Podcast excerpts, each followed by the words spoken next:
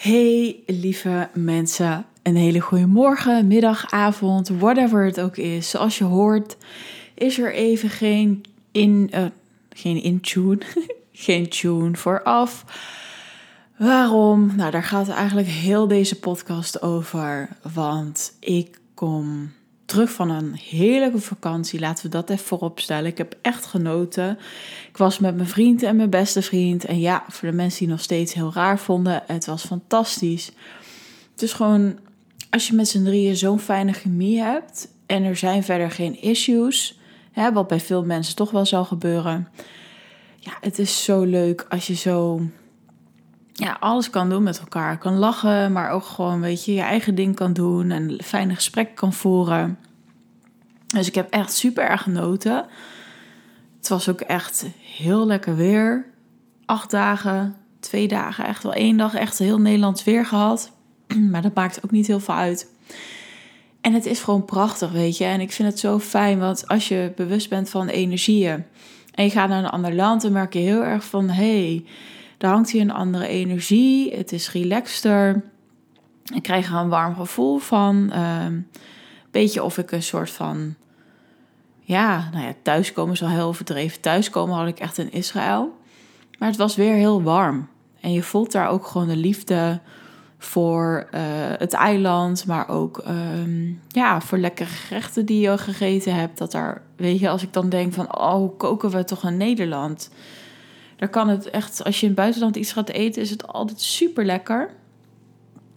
En in Nederland denk je soms, nou ja, is dit dan een restaurant waardig, weet je wel? Net of de liefde ontbreekt. Maar goed, dat was echt allemaal helemaal super, super, super top. Maar op vakantie kan je ook eventjes helemaal uittunen. Dus ik heb heerlijk, ik heb niet op mijn mail gekeken, niet mee bezig geweest.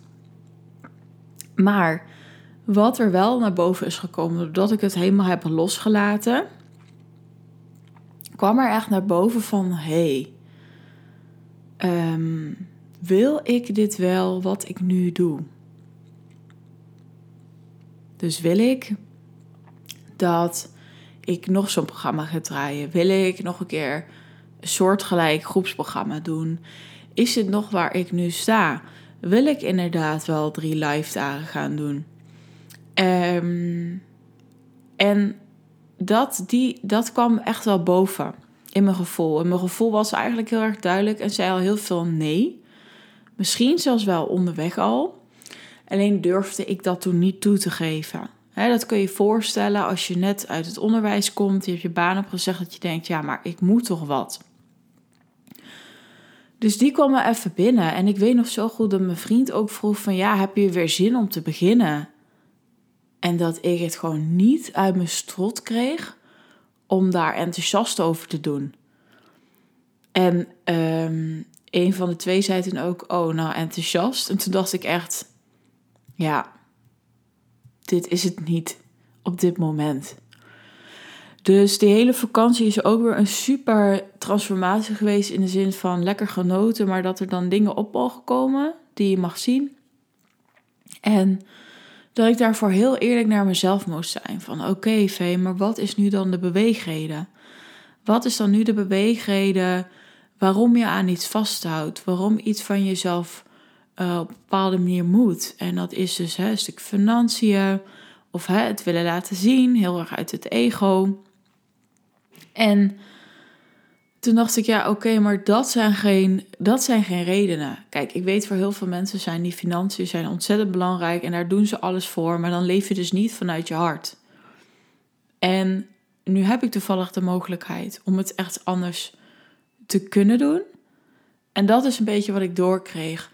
En daarvoor durfde ik nog niet helemaal te gaan staan in de vakantie. En toen weet ik wel dat ik terugkwam. En toen uh, las ik op een gegeven moment vrijdagochtend een mailtje. En daar kreeg ik uh, dat iemand uh, die, die echt heel graag mee wilde doen, hè, begrijp me niet verkeerd, die moest echt naar vakantie, of die moest echt op vakantie. ja, dat zou lekker zijn. Die moest echt even weg. Nee, die moest echt naar het buitenland voor het werk.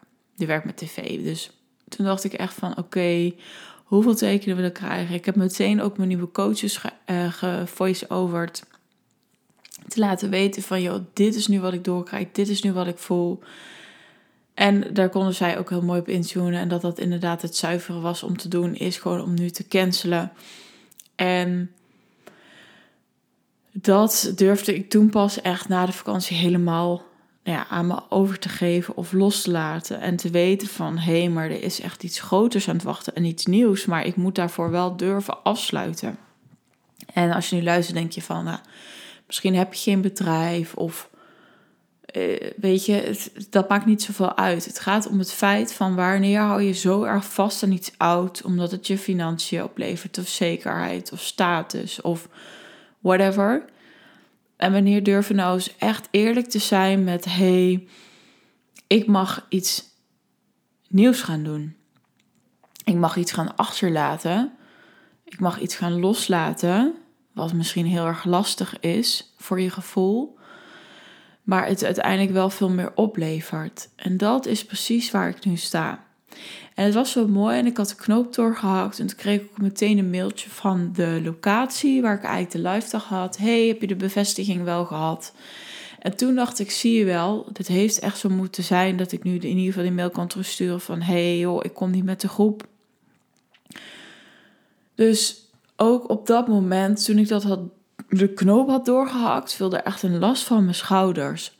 Want ik heb ook heel erg eh, in de weerstand gezeten voor mijn studie, energetisch coach jaar 2, waar ik echt in praktijk met energie ga werken. En daar zal ik ook meer van gaan delen in de podcast. En um, toen dacht ik echt, moet ik dat wel gaan doen?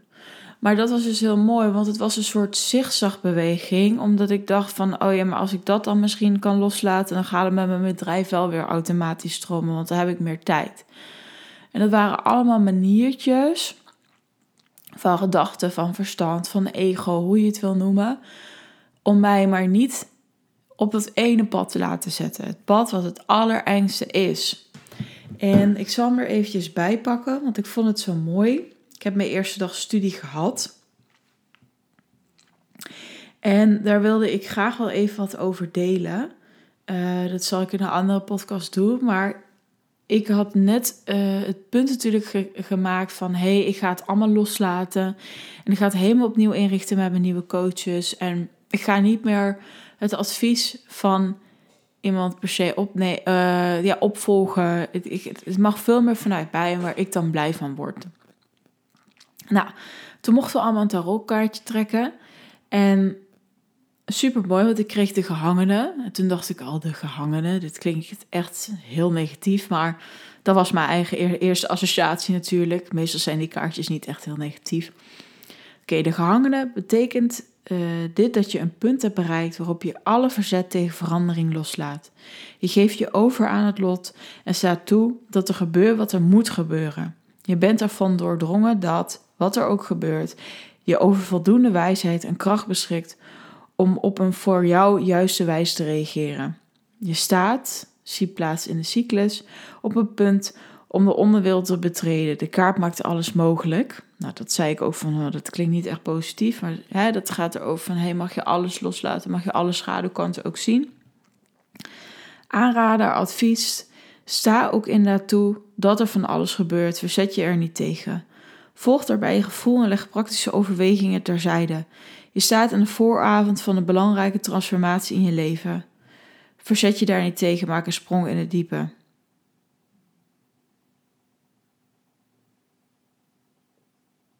En ik vond het ook wel mooi, want er staat ook bij A, afrader. Um, hou bij, beide voeten stevig op de grond en neem geen gedurfde stappen. Dus het is echt een leermeester om totaal um, ja, over te geven. En dat is wat ik nu ervaar van, joh, ik kom in een hele nieuwe fase van totale overgave. Voor iemand die al 15 jaar aan het werk is of zo. 15 jaar maar door, door, door en uh, heb je dat en door. En nooit echt helemaal volledige stilte, helemaal volledig alles laten gebeuren. Helemaal alles kunnen loslaten. En voor nu voelt het heel erg bevrijdend, dat zei ik al. En ik ben gewoon super benieuwd hoe ik het ga ervaren. En zonder dat er meteen de druk achter zit van ja, dan moet het over een maand dit of moet het over een maand dat. Nee, gewoon heel erg in de, in de flow. Van oké, het is oké. en uh, we gaan het gewoon zien. Ja, misschien denk je dus nu ook, uh, waarom heeft uh, de podcast geen tune? Dat is ook omdat ik het heel even laat. Ik heb het nu gewoon thee met vee genoemd. Het gaat nog steeds over spiritualiteit, maar ook daarin hè, de stoere starters, uh, spirituele starters podcast. Dat vond ik super tof. Ik kreeg er ontzettend veel energie van. Uh, die titel alleen al. Maar nu denk ik van ja, moet er per se zo'n naam aan? Weet je, misschien is dat nu wel tof, maar over een jaar weer niet. En thee met vee, weet je, dat that's me. Ik zal altijd thee blijven drinken. Ik blijf altijd vee in ieder geval in dit leven. Dus we doen het gewoon even zo. En die tune die komt wel. En ik wil nog steeds alles delen met je, want ik zit juist in zo'n bijzonder proces, vind ik, dat ik dat ook zeker blijf doen. Maar alles vanuit flow, vanuit hey, het is oké, okay, hey, mag er lekker zijn. In plaats van dit moet en dit moet en dit moet. Daar ben ik zo klaar mee. Dus uh, dat wilde ik wel eventjes met je delen. Dan weet je ook weer, hé, hey, waar sta ik in proces? Dat ik daar veel meer over ga delen. Dat je daar ook weer je eigen inspiratie uit kan halen. Van, hé, hey, hoe ben ik in, het, in, het, in de overgave? Kan ik me overgeven? Kan ik echt loslaten? En wat nou als ik dat eens volledig ga doen? In de zin van de vormen die je hebt, maar ook een stuk zekerheid misschien. En te mogen kijken wat zich dan ontvouwt.